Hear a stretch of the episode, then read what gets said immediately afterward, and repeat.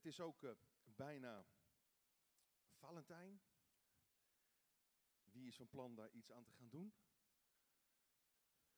Ja, steek maar je hand. Okay.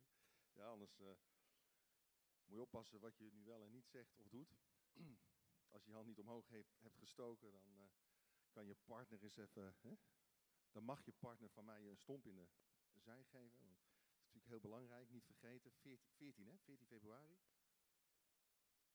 14, hè? Ja. ja nee, maar de, de, Crea-winkel heeft weer prachtige... Kijk, zo vergeet je het niet. Als je na de dienst even naar de Crea-winkel gaat... er liggen prachtige Valentijnscadeautjes klaar. Voor een leuk prijsje kun je, kun die alvast voor je vrouw of je man meenemen. En um, de 14e geven. En het dient ook nog een goed doel, want de renovatie kan daarmee doorgang gaan vinden. Straks in de uh, bovenzaal.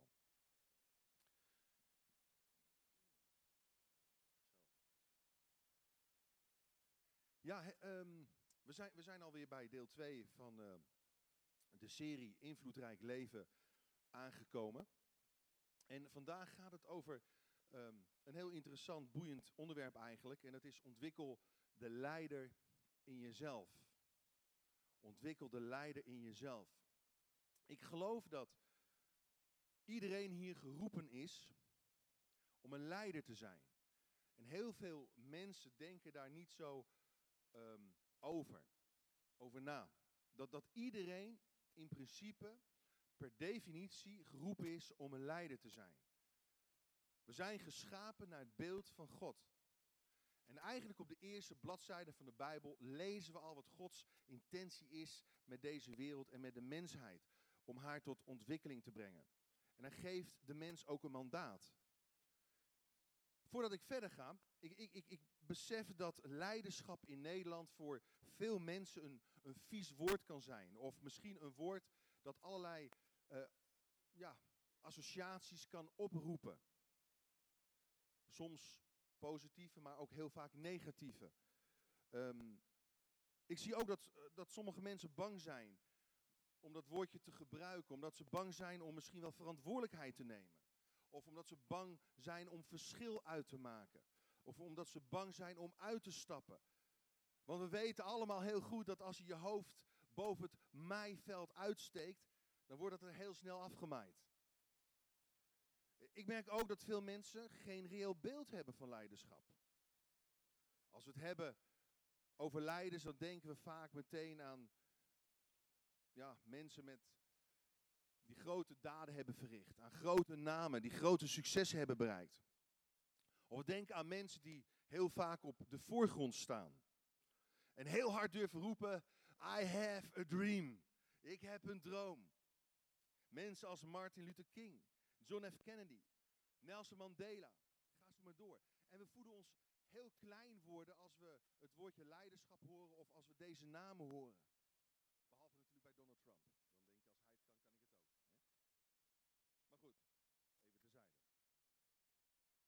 weet zeker dat de meeste mensen die hier zitten, hoewel het een roeping is misschien, of hoewel God ons zo bedoeld heeft gemaakt heeft om heerschappij uit te oefenen en, en, en, het vaderhart van God op aarde te weerspiegelen, om, om de aarde te beheren, te cultiveren. Ik denk dat heel veel mensen zichzelf niet als een, als een leider beschouwen.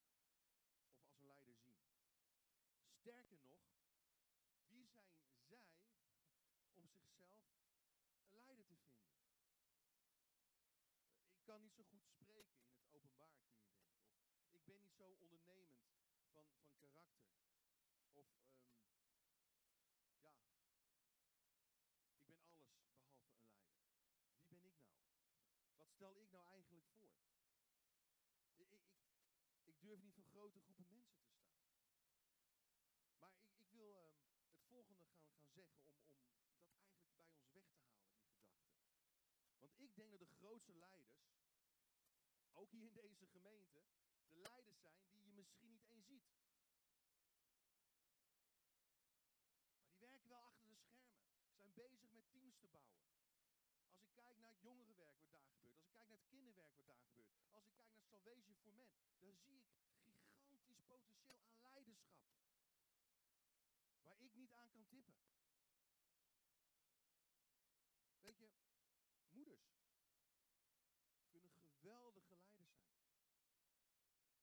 Onderschat dat niet. De invloed van een moeder op haar kinderen. Ik weet nog heel goed dat mijn moeder groot vertrouwen in mij had toen niemand dat had. Toen niemand mij zag zitten. Toen ik nog niet eens geboren was, had ze me al aan God toevertrouwd. En hoe harder ik tegen de kerk ging aanschoppen, hoe harder God aan mij begon te trekken.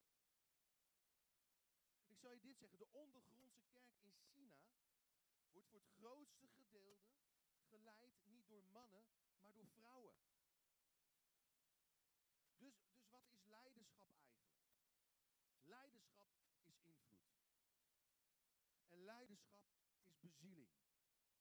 Het is een actieve taak die tot doel heeft in mensen creativiteit te wekken. Om in mensen leven uit te lokken. Om het potentieel tevoorschijn te roepen. Lokt leven in mensen uit en beweegt mensen naar een stip in de horizon toe. Leiderschap kun je altijd ontwikkelen. Of je nu een geboren leider bent of niet, om zo maar te zeggen. En natuurlijk zijn er verschillende gradaties en niveaus in leiderschap.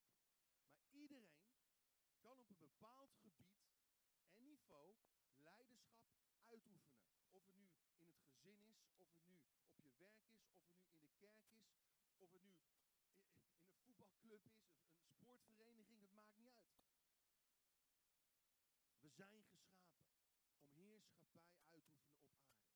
Om Gods heerlijkheid te weerspiegelen hier op deze wereld. En ik geloof, en dat is mijn, mijn stelling eigenlijk, dat is mijn, mijn uitgangspunt, dat elke volgeling van Jezus Christus altijd invloed uitoefent. Dus in die zin per definitie altijd leiderschap uitoefent. Lees u mee, Matthäus 5, vers 13. Jullie, zei Jezus, zijn het van de aarde. Jullie zijn het licht in de wereld. Dat zegt Jezus tot zijn discipelen, tot ons. En hij zegt, een stad die boven op een berg ligt, kan niet verborgen blijven.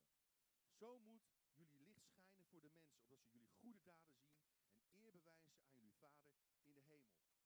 Dat is eigenlijk ook de, de uitgangstekst van het hele Umoja-proces, waar we als gemeente in zijn gestapt. Om met kerk, om als kerk met beide benen in de buurt of wijk of stad of dorp te staan. Maar wat doet zout en wat doet het licht? Het beïnvloedt. Zout beïnvloedt het voedsel dat we eten. Licht beïnvloedt de ruimte waarin we wonen of leven. En Jezus, hij roept ons hier op om onze roeping tot beïnvloeding te omhelzen. Te omhelzen. Aan te nemen. Te ontvangen. En als we het hebben over leiderschap, dan is er eigenlijk maar één echt volmaakt patroon voor leiderschap. En dat is het van Jezus. En daarom gaan we kijken naar een aantal principes in het zelfleiderschap van Jezus. Want begint bij jezelf. Hoe ontwikkel ik de leider in mezelf? Nu dan, een expert op het gebied van leiderschap stelde dat 50% van onze tijd besteed moet worden aan zelfleiderschap. 50% moet besteed worden aan zelfleiderschap op ethisch, op moreel en geestelijk gebied. Oeh, 50 procent. Ik, haal dat niet. Maar, maar wat probeert deze man te zeggen, deze expert op dat gebied van leiderschap? Als je 50 procent van je tijd moet besteden aan zelfleiderschap, dan, is dat een signaal. En dat is het volgende. Als je jezelf niet kunt leiden, hoe kun je dan anderen leiden? Als je jezelf niet kan leiden, wordt het een heel lastig verhaal om leiding te geven aan andere mensen. Of het nu in je gezin is, of het nou in teamverband is, op je werk, in de kerk, dat maakt niet uit. Maar Jezus, hij verstond de kunst van zelfleiderschap als geen ander.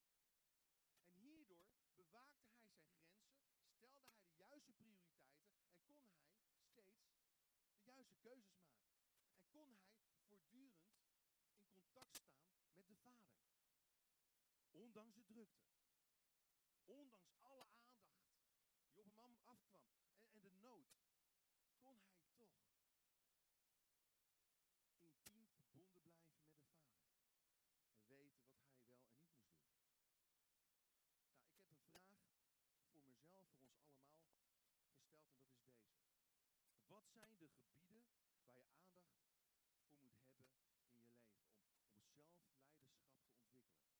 Hoe kun je geestelijk gezien gezond blijven? Want we leven ook in een hele hectische samenleving.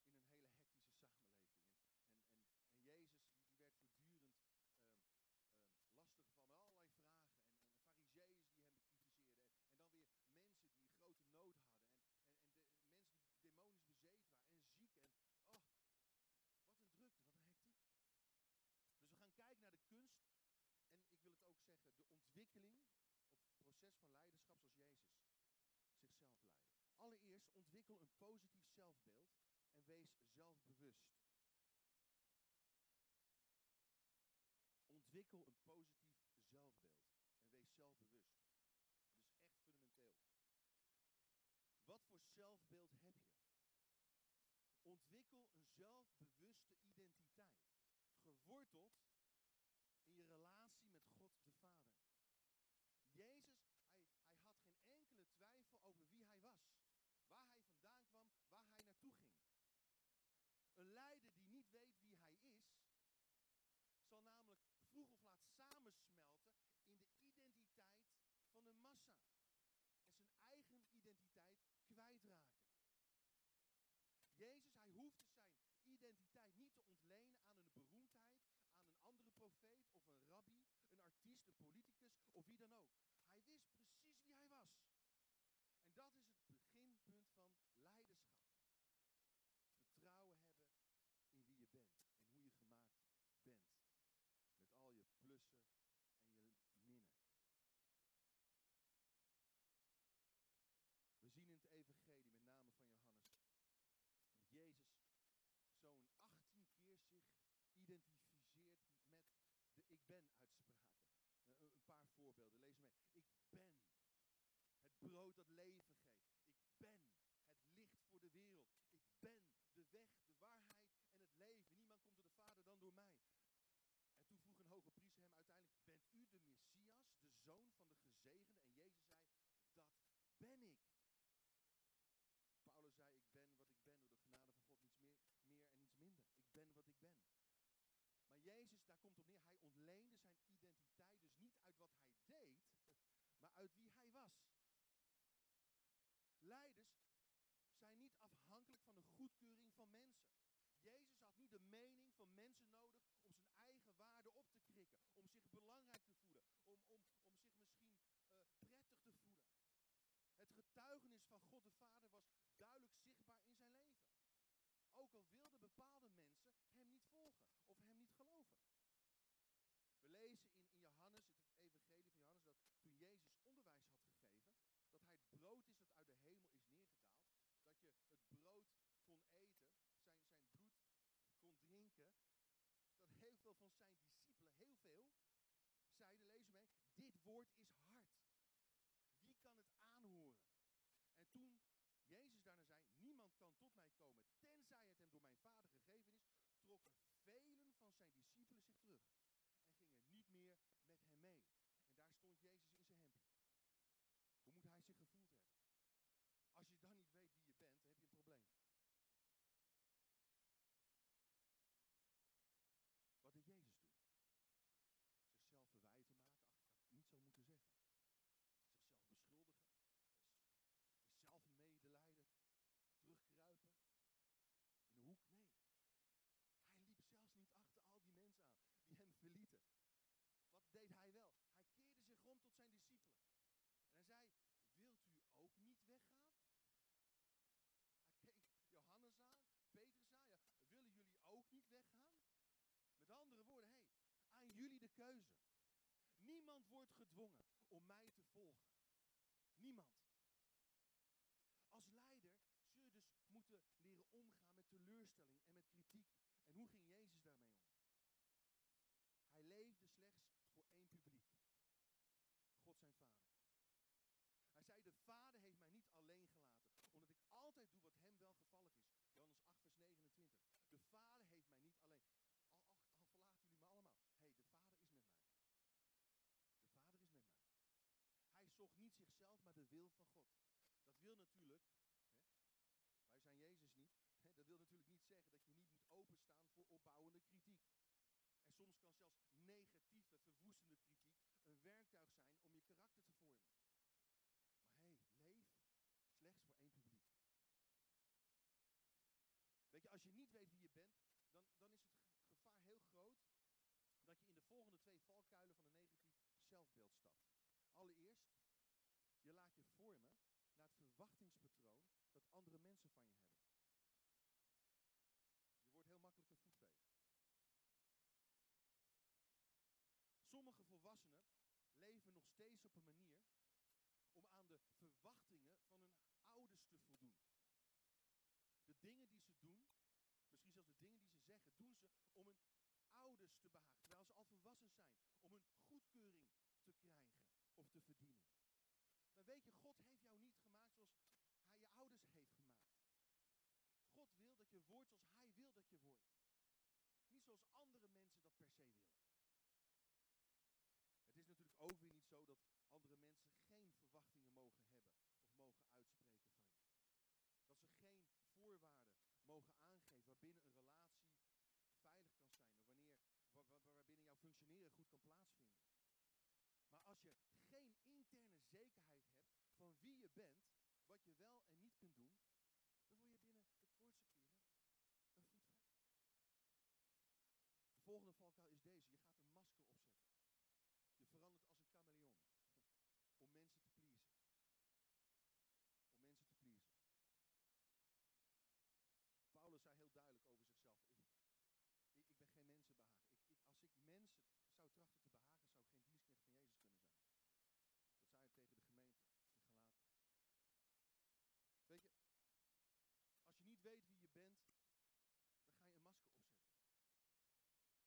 Of je gaat je vergelijken met andere mensen. Of op je werk gedraag je je als een heide, praat je als een heide, maar in de kerk gedraag je als een christen. En praat je de talen Kanaans. Met je vrienden zet je een stoer masker op, bij je, bij je ouders een, een vroom geestelijk masker. Je doet alsof, je bent niet eerlijk. Want je weet niet ten diepste wie je bent. Ook Paulus, hij, hij, hij werd door veel gelovigen in Korinthe in de steek gelaten. De een vond hem aantrekkelijk, de ander niet. Sommigen vonden hem, hem zwak overkomen. Zelfs, zelfs heel zwak in zijn spreken. Hij sprak niet met schittering van woorden, zoals die andere schijnapostelen deden. Hij kwam niet over als een, als een geestelijke krachtpatser. Toch kon hij heel zelfbewust zeggen, tegen de gemeente te Korinthe, volg mij zoals ik Christus navolg. Volg mij zoals ik Christus navolg. Dat is zo'n sterke uitspraak. Zo zelfbewust. Weet je, als je niet kunt zeggen, volg mij in mijn geloof, in mijn manier van spreken, volg mij in mijn houding, volg mij in mijn reinheid, volg mij in mijn oprechtheid, dan heb je als leider een probleem. Dus in hoeverre ben je bewust van wie je bent in Hem, in Christus? Heb je applaus of bevestiging van andere mensen nodig om je goed te kunnen voelen? Of weet je zo duidelijk wie je bent in Hem? Ben je zo afhankelijk van Hem dat je dat eigenlijk niet nodig hebt? En natuurlijk is het fijn om elkaar te bevestigen, te bemoedigen. Heeft Harm ook iets over gezegd. Dat is belangrijk, dat is noodzakelijk zelfs. Maar waar ben je van afhankelijk? Ten tweede, hoe ontwikkel ik de leider in Ontwikkel een doelgericht leven en een luisterend oor voor Gods stem. Vult hem in. Ontwikkel een doelgericht leven en een luisterend oor voor Gods stem. In Spreuken 11, vers 14, daar staat door gebrek aan visie gaat het volk ten onder. Een keur van raadgevers brengt het tot bloei. Visie heeft altijd te maken met richting, een bepaalde koers. Welke richting wil je opgaan? Aan welke opdracht, missie wil je voldoen? Weet je, visie je doel in je leven. En dat bevrijdt je van de tirannie van het urgente. Dat helpt je te onderscheiden wat je prioriteiten zijn, wat echt belangrijk is, waar het echt om gaat, waar het echt om te doen is. Heel veel dingen die op ons afkomen zijn urgent, maar niet alle dingen die op ons afkomen zijn belangrijk, verdienen prioriteit. Weet je trouwens dat, dat, dat de meeste groeipotentie in je leven. Wat denk je? De, de meeste groeipotentie in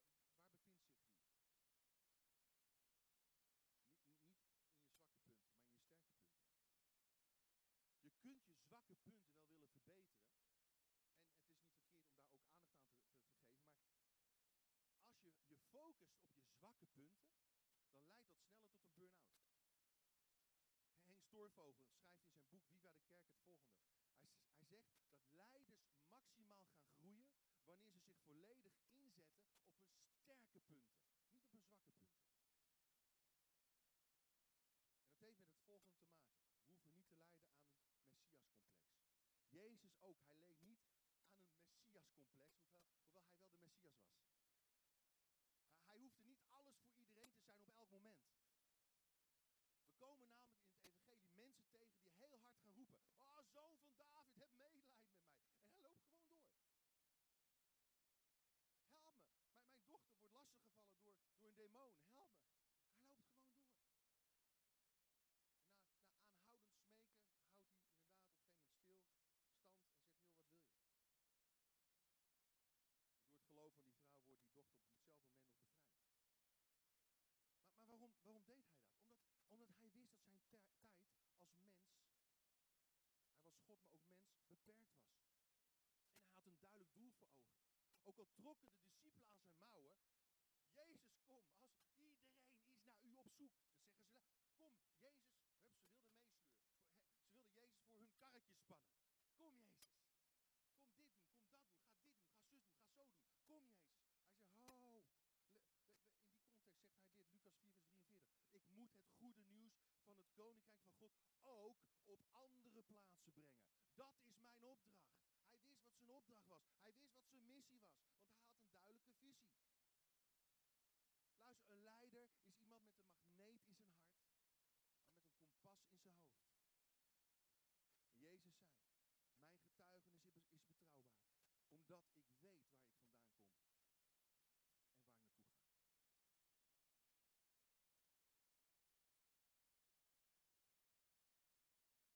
C.S. Lewis.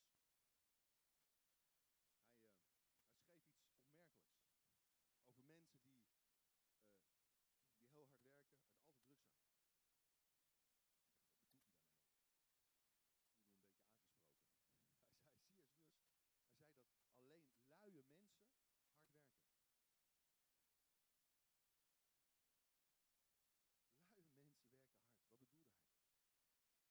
drukke mensen, mensen die zich altijd druk maken en altijd druk zijn, zijn luie mensen. Waarom? Want ze nemen tijd niet om te focussen op wat echt belangrijk is. En dan vullen ze hun tijd op met allerlei activiteiten om maar indruk te willen maken op andere mensen. De zonde van drukte maakt dat wij dan gehaast door het leven gaan. En John Ortberg, hij schreef het volgende, lees mee. Haast is niet slechts een ontregelde agenda, haast is een ontregeld hart. Weet je, er is een groot verschil tussen activiteit en productiviteit. Je kunt heel druk bezig zijn en toch in cirkeltjes blijven draaien. Hoe kun je dat voorkomen? Heel simpel, doelstellingen te verduidelijken.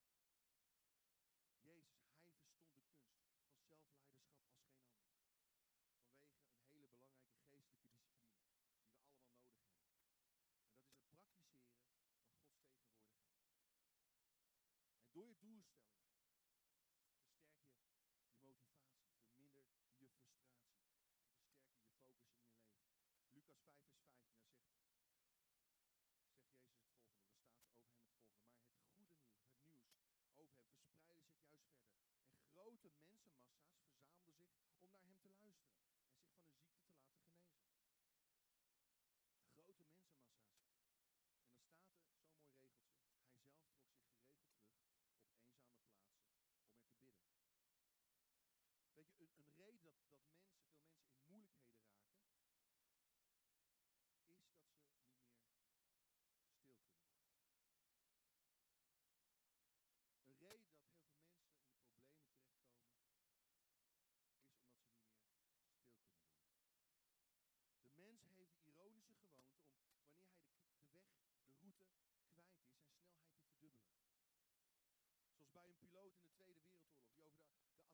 oceaan.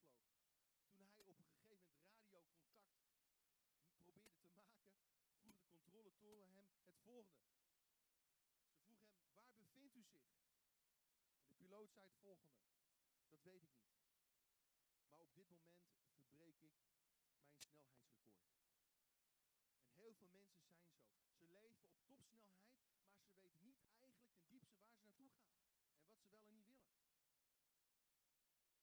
zo belangrijk om deze woorden van de profeet voor ogen te houden. Jesaja 30, vers 15. Daar staat, want zo zegt de Heer, de heilige van Israël, door terugkeer en rust zou u verlost worden.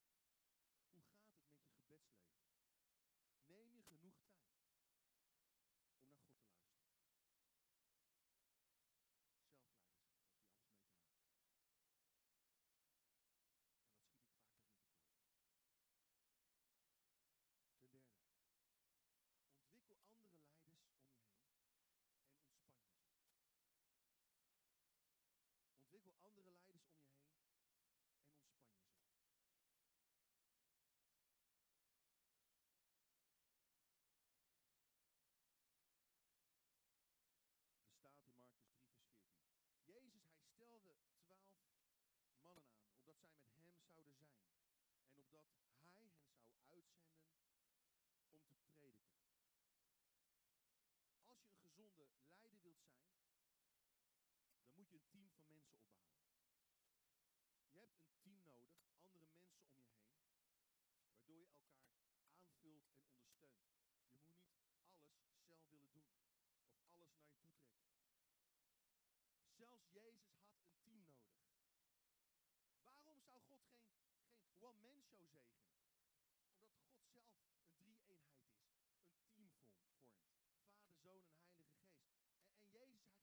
alleen op uit.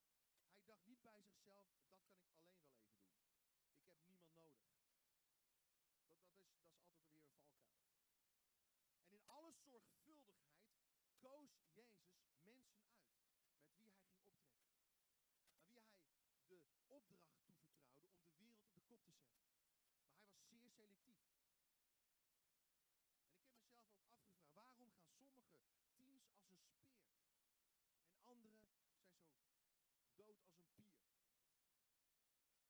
daar soms heel erg geestelijk over. Maar ik zal je dit zeggen, als er geen chemie is tussen mensen, kan de samenwerking een groot drama worden. En ook al zijn het allemaal lieve kinderen van de Heer, als er geen klik is, dan houdt het heel snel op met de motivatie en het plezier in een team. Bill Heibels, hij beschrijft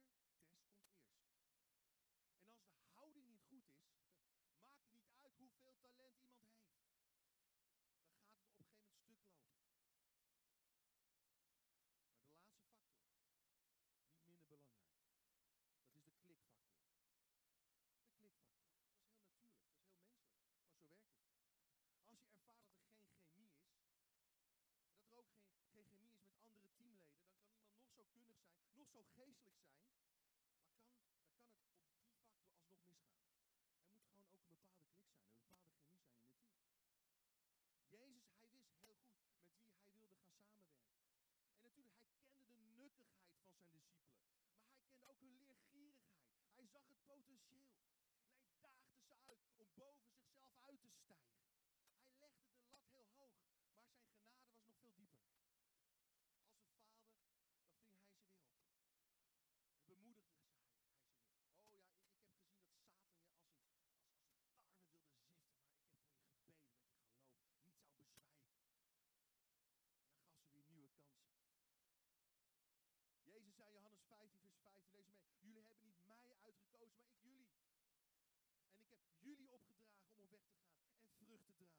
Blijvende vrucht. En wat je de Vader in mijn naam